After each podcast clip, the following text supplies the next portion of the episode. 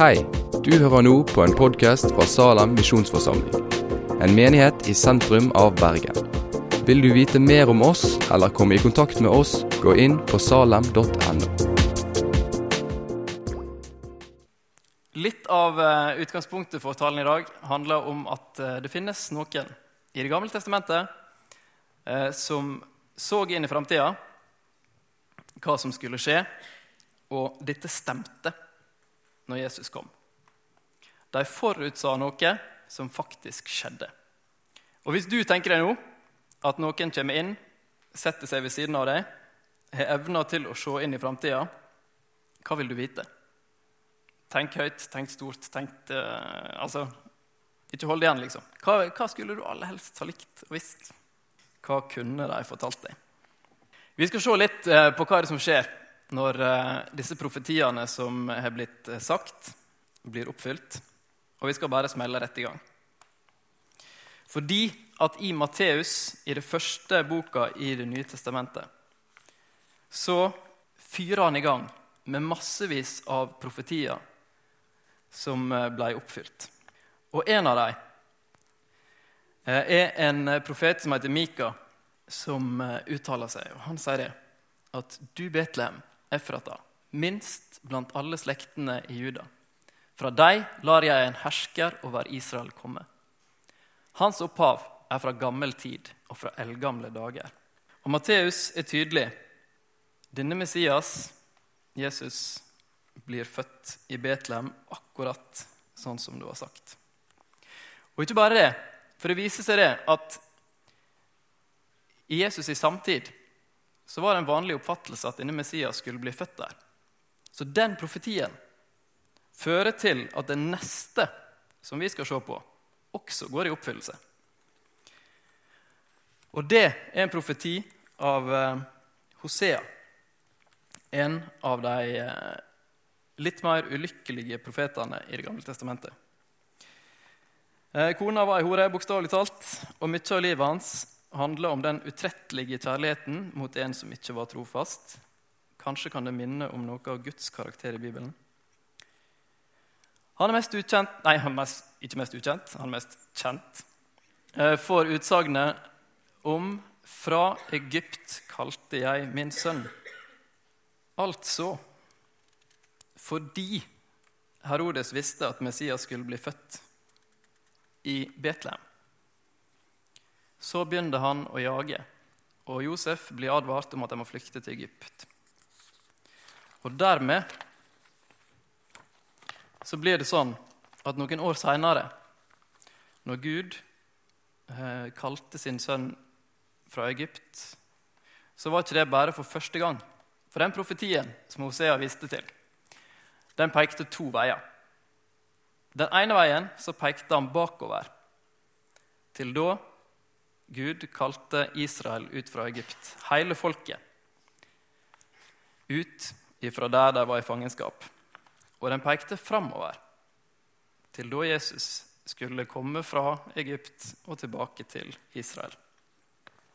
Nummer tre som vi skal se på, det er en fra Jesaja, som smelter til med en av historiens dristigste profetier, og vi finner den eh, sitert i Matteus 1, 23. Se, jomfruen skal bli med barn og føde en sønn, og de skal gi ham navnet Immanuel, Gud med oss.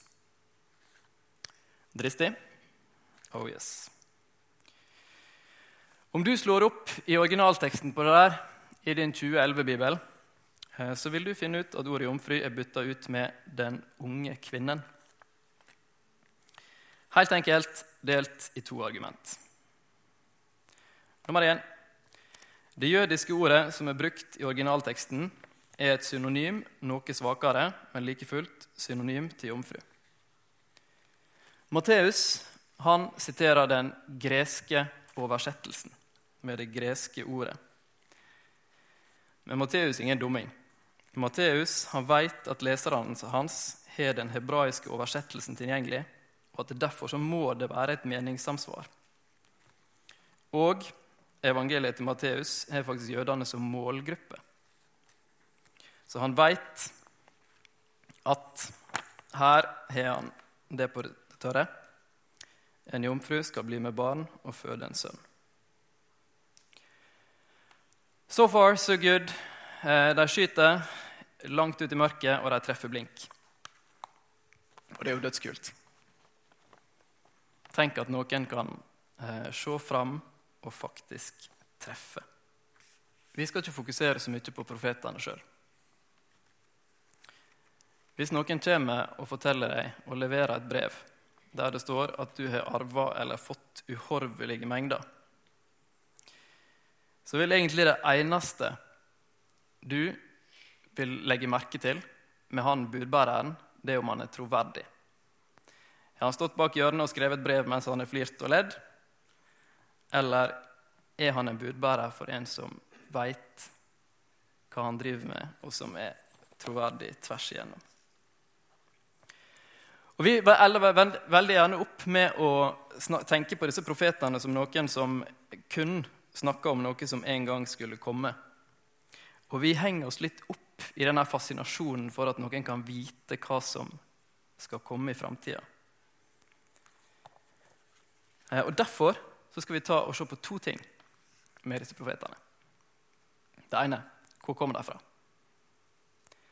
De levde mer eller mindre i Israel og Judea fra 700 til 400 før Kristus.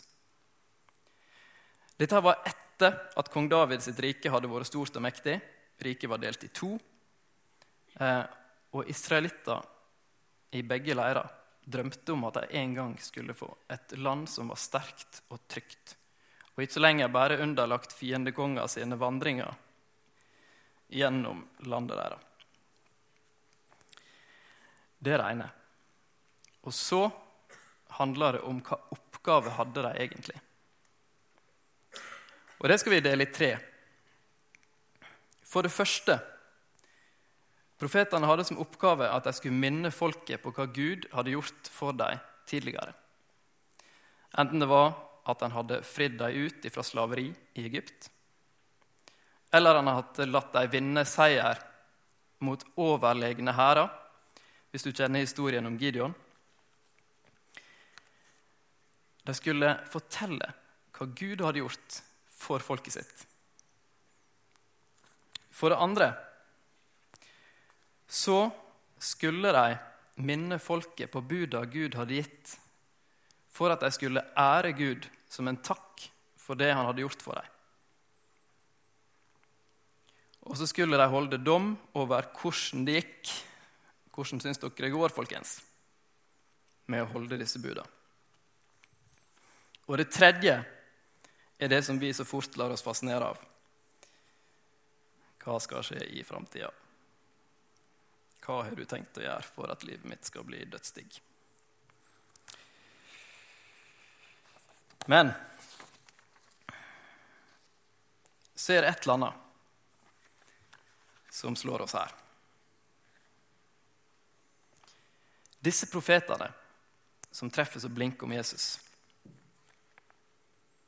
betyr det at når de hadde denne tredelte oppgaven, betyr det at Jesus er bare en liten sidekarakter i Det gamle testamentet, som en dag kanskje skal få sin egen tegneserie, men som enda ikke er der?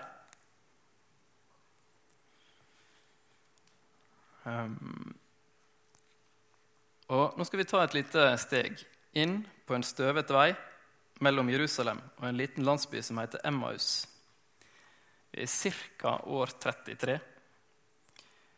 Um, ehm, og der får vi en fortelling om at Jesus er ikke et sidekick i en lang og kjedelig bok om et folk sin trasige historie. Skal vi få opp på skjermen der. Samme dag var to disipler på vei til en landsby som heter Emmaus, 60 stadier fra Jerusalem. Og De snakket om alt det som var skjedd. Mens de nå snakket sammen og drøftet dette, kom Jesus selv og slo følge med dem. Men øynene deres ble hindret i å se, så de ikke kjente ham igjen. Han sa da til dem, 'Hva er det dere går og snakker så ivrig om?' De stanset og så bedrøvet opp. Og den ene han som het Kleopas, svarte. Du må være den eneste tilreisende i Jerusalem som ikke vet hva som har hendt der i disse dager. Hva da? spurte han. Det med Jesus fra Nasaret, svarte de. Han var en profet, mektig i ord og gjerning for Gud og hele folket. Men våre overprester og rådsherrer utleverte ham og fikk han dømt til døden og korsfestet ham. Og vi som hadde håpet at det var han som skulle befri Israel. Dessuten, i dag er alt tredje dagen siden dette hendte. Og nå har også noen kvinner blant oss gjort oss forvirret. De gikk ut til graven tidlig i dag morges, men de fant ikke kroppen hans. De kom tilbake og fortalte at de hadde sett et syn av engler som sa at han lever. Noen av våre gikk da til graven, og de fant det slik som kvinnen hadde sagt. Men ham selv så de ikke. Da sa han til dem, så uforstandige dere er, og så trege til å tro alt det profeten har sagt. Måtte ikke Messias lide dette, og så gå inn til sin herlighet? Og han begynte å utlegge for dem det som står om ham i alle skriftene, helt fra Moses av og hos alle profetene. De nærmet seg nå den landsbyen de skulle til, og han lot som han ville dra videre. Men de ba ham inntrengende. Bli hos oss. Det lir mot kveld, og dagen heller. Da gikk han med dem inn og ble hos dem. Og mens han satt til bords med dem, tok han brødet, ba takkebønnen, brøt det og ga dem. Da ble øynene deres åpnet, så de kjente ham igjen. Men han ble usynlig for dem. Og da sa de til hverandre.: Brant ikke hjertet i oss da han talte til oss på veien og åpnet Skriftene for oss.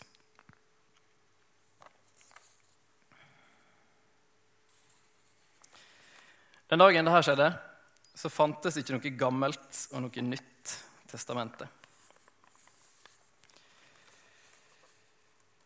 Men Jesus legger ut om det som står om han i alle skriftene. I alle skriftene om hvordan han var der da Gud sa, helt i begynnelsen, la oss skape mennesker i vårt bilde, så de ligner oss. Om da de var på vei gjennom ørkenen, israelsfolket på vei gjennom ørkenen, hvordan den slangen som Moses festa på en stav, og som ble en redning for alle som kikka på han, mens slangene herja og beit i leiren. Hvordan den pekte på Jesus da han skulle henge på korset. Og hvordan versa i f.eks. Jesaja 53, som vi ikke tar oss tid til å hive opp her, men som vi tar i lekse. Enten du kjenner dem fra før, eller du ikke kjenner dem. Eh, les på det, og se hvordan det peker på en som Jesus, som må lide, dø og bære alle våre feil på seg. Om hvordan alle ofringene i tempelet kunne sone synd én gang i året.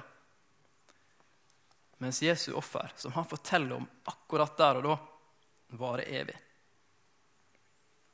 Og hele Gamle testamentet, sa Jesus, forteller om meg. Hele Gamle testamentet forteller om det jeg gjorde på korset. Og da er vi invitert til å bli med inn i denne historien her. Uh, og her om dagen når jeg leste den storyen her, så fikk jeg litt den her uh, feelingen av at her en eller annen plass sitter Gud og ler. En eller annen plass så sitter han og koser seg glugg i hjel over at han sender inn Jesus, som de kjenner. Og så kjenner de han ikke igjen. Og samtidig som han sitter og flirer, så er det et dypt, dypt alvor. Fordi dette er oss som går der. Dette er vi som tenker så lett at hadde jeg sett Jesus live, så hadde jeg selvfølgelig kjent han igjen, og da hadde jeg trodd. denne historien viser at det hadde nødvendigvis ikke vært sånn. Men Jesus forteller at ditt intellekt trenger å koble historien om Jesus med det som står i hele Det gamle testamentet. Bruk hjernen din. Eh, det blir referert i denne filmen her, som dere så i forkant, at eh, det er viktig at en som er leder, er smart. For du må være smart for å kjenne Bibelen. Um, det skal jeg selvfølgelig ikke stå 100 inne for. Men eh, vi trenger vår smartness når vi skal lese Bibelen. Fordi den handler om Jesus. Intellektuelt så står det fjellstøtt og sammenhengende at hele Det gamle testamentet peker framover mot Jesus. Og vi trenger å jobbe med forstanden vår for at Bibelen skal tale til oss. Si denne fortellinga her, når Jesus går forkledd sammen med to venner langs veien.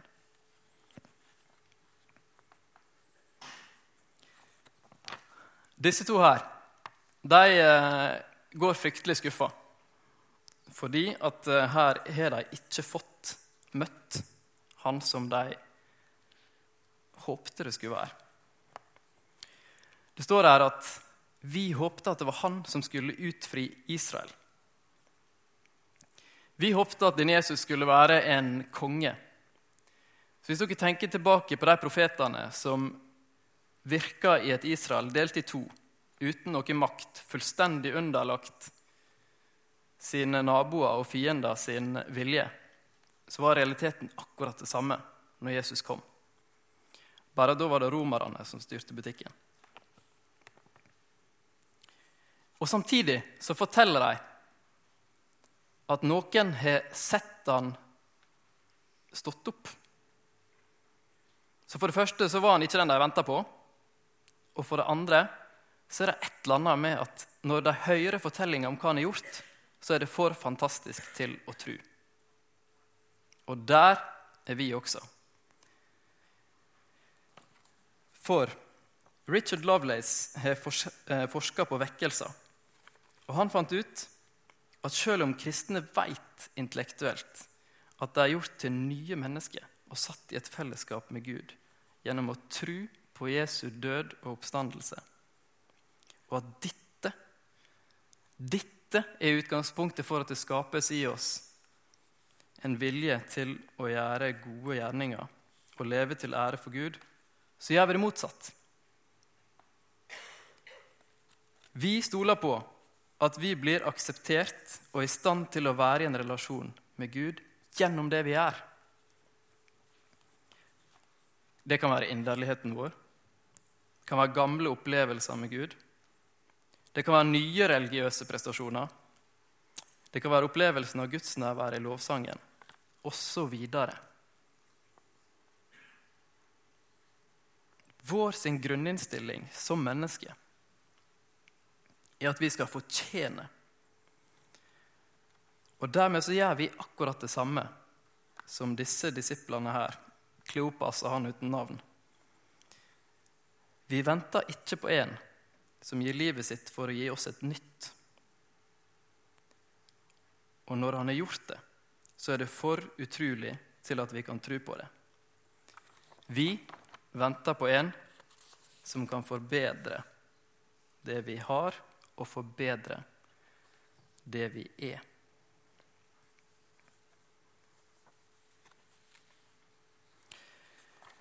Men korset er smalt. Og evangeliet er like smalt. Kirkefader Tertulian, som levde lenge før oss, han sa at på samme måte som Jesus ble korsfesta mellom to røvere, er evangeliet for alltid korsfesta mellom to feil. Moralisme på den ene sida og relativisme på den andre sida.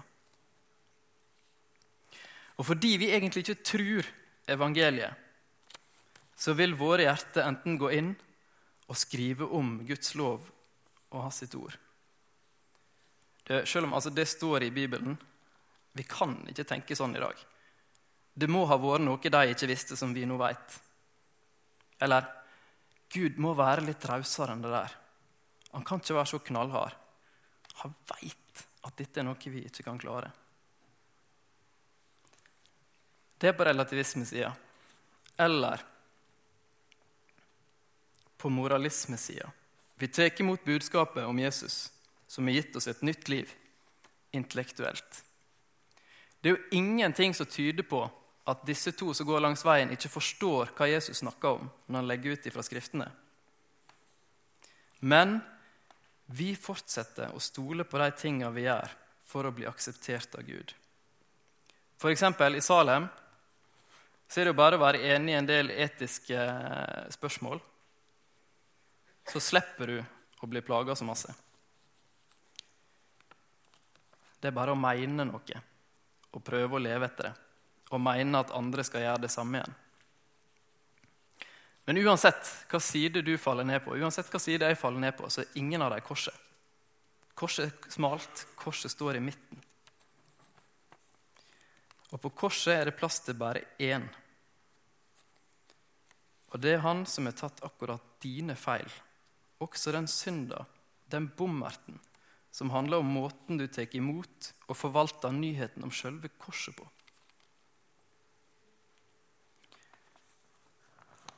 Og om alle profetene sine ord, om hele Bibelen, møtes i et enkelt, smalt kors,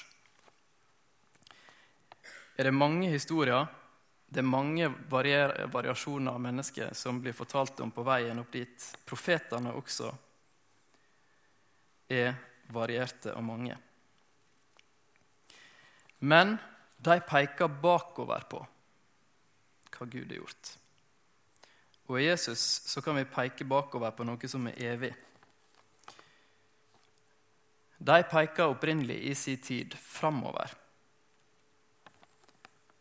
På Han som kom med noe så simpelt som to pinner i kors. Men så hadde de en oppgave til. De skulle forkynne hvordan gikk det egentlig med å holde disse her forskriftene, disse her buda som var sagt om hvordan skal vi leve for å ære Han som har fridd oss ut. Og når de forkynte den dommen, så var den rettferdig. Og han er rettferdig i dag. Og det tror jeg vi nettopp har sett litt eksempel på. For Enten du føler deg mest plassert som moralist eller relativist, så er du i alle fall mer enn nok av nettopp det i våre liv. Og ikke bare det. Der er mange flere feil, der er mange flere synder som vi kjenner på i våre liv. Men fordi kun Jesus kunne leve dette livet som skal leves i fellesskap med Gud. Så kan vi høre om alt som vi er galt, og likevel vite at kun han er hellig nok. Og For oss er hellig nærmest blitt et skjellsord, fordi det er så umulig å nå opp til. Men for han så beskriver en faktisk realitet. Kun han er hellig nok til å betale for alle våre feil. Og kun han er kjærlig nok til å ville det. Ville det av hele sitt fullkomne hjerte. Og dette er evangeliet. At alle disse umulige krava som skal til for et menneske, skal kunne ha vennskap med Gud, at de er absolutte, og det er én som innfrir. Men han innfrir for å dele. Og vi kan sitte her og kjenne oss igjen kanskje i at moralisten han mener at relativisten forkaster sannheten i Guds ord. Og relativisten han mener at moralisten ikke er kjærlighet for ekte mennesker. Men hør hva Peter sier om evangeliet sin kraft. Når moralisten må erkjenne at alle de forsøkene mine på å lykkes med å gjøre det som Gud har sagt jeg skal gjøre, alle mine forsøk på å få andre til å gjøre det Gud har sagt de skal gjøre. Og når relativisten innser at ordet er sant, så sier Peter noe ekstremt viktig om evangeliet, som er det smale punktet der vi kan møte og møte Gud og få ta imot.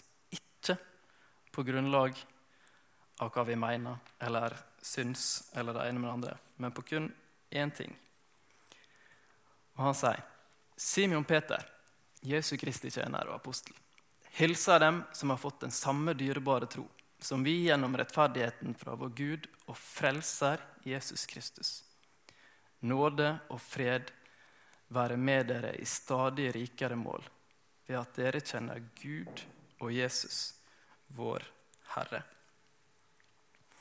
Sett derfor, fordi vi har fått tatt imot noe så overnaturlig og utafor vår naturlige instinkt. Sett derfor all deres iver inn på å la troen føye sammen med et rett liv. Og det rette livet med innsikt. Innsikten med selvbeherskelse. Selvbeherskelsen med utholdenhet. Utholdenheten med gudsfrykt. Gudsfrykten med søskenkjærlighet. Søskenkjærligheten med kjærlighet til alle. For dersom alt dette finnes hos dere og får vokse, da vil dere ikke være uvirksomme og uten frukt. Dere som kjenner vår Herre Jesus Kristus. Og Når vi går tilbake til historien om Emmaus-gutta, så skjer det noe når Jesus får slippe inn i et tett fellesskap med dem. For etter at de har hørt den logiske framstillinga av hvem Jesus er, etter at de har delt sine ærlige oppfatninger om hva de sjøl håpte på, så inviterer de Jesus inn. De inviterer han inn. Og da skjer det noe helt, helt konkret. Da innser de at de faktisk ikke har kjent igjen sin egen venn mens de har gått og tråkka langs veien. Men da ser de. Kunne det være mulig? Kunne de være så ufattelig blinde? de som hadde skjønt alle sammenhengene mellom profetene og Messias. De hadde jo skjønt det. Kan vi være like blinde når de kunne? Trua på Jesus må ikke være bare en intellektuell øvelse. Det skal få være å slippe evangeliet helt inn til vårt aller innerste. Og invitere Jesus inn til å bare si, 'Jesus, dette er min plass. Kom, føl deg som hjemme, for det er faktisk ditt.' Fordi bare evangeliet har i seg nøkkelen til den verden og det livet som Gud en gang skapte og vant tilbake da Jesus døde på korset og står opp fra grava. Derfor er et fellesskap kun fullkomment der Jesus er. Derfor er et liv kun på sin rette plass fra nå av og til evigheten, og like fortapt uten. Vi trenger en intellektuell oversikten. Vi trenger å være ærlige med våre forventninger. Og så trenger vi at Jesus får komme helt, helt inn. Men det er ikke alt. verden er ikke bare til for å forstås. Den er til for å nytes. Den er til for å leves. Og det er det med livet med Jesus. Vi skal få lov til nå, når vi skal feire nattvær, å få minnes helt konkret at gjennom Jesus sitt offer så har vi fått så paradoksalt så det enn høres ut, så paradoksalt som det faktisk er, så har vi fått blitt sanne mennesker, sånn som Gud vil ha oss i sine øyne. Vi er ikke lenger der at vi ikke tåler Guds nærvær. Men fordi Jesus gir oss sin kropp, sitt blod, så skal vi få lov til å ta imot.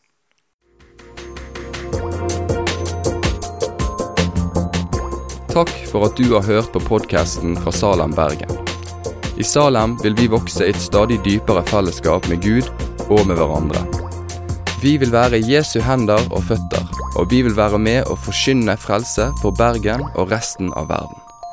Besøk oss gjerne på salem.no om du vil vite mer.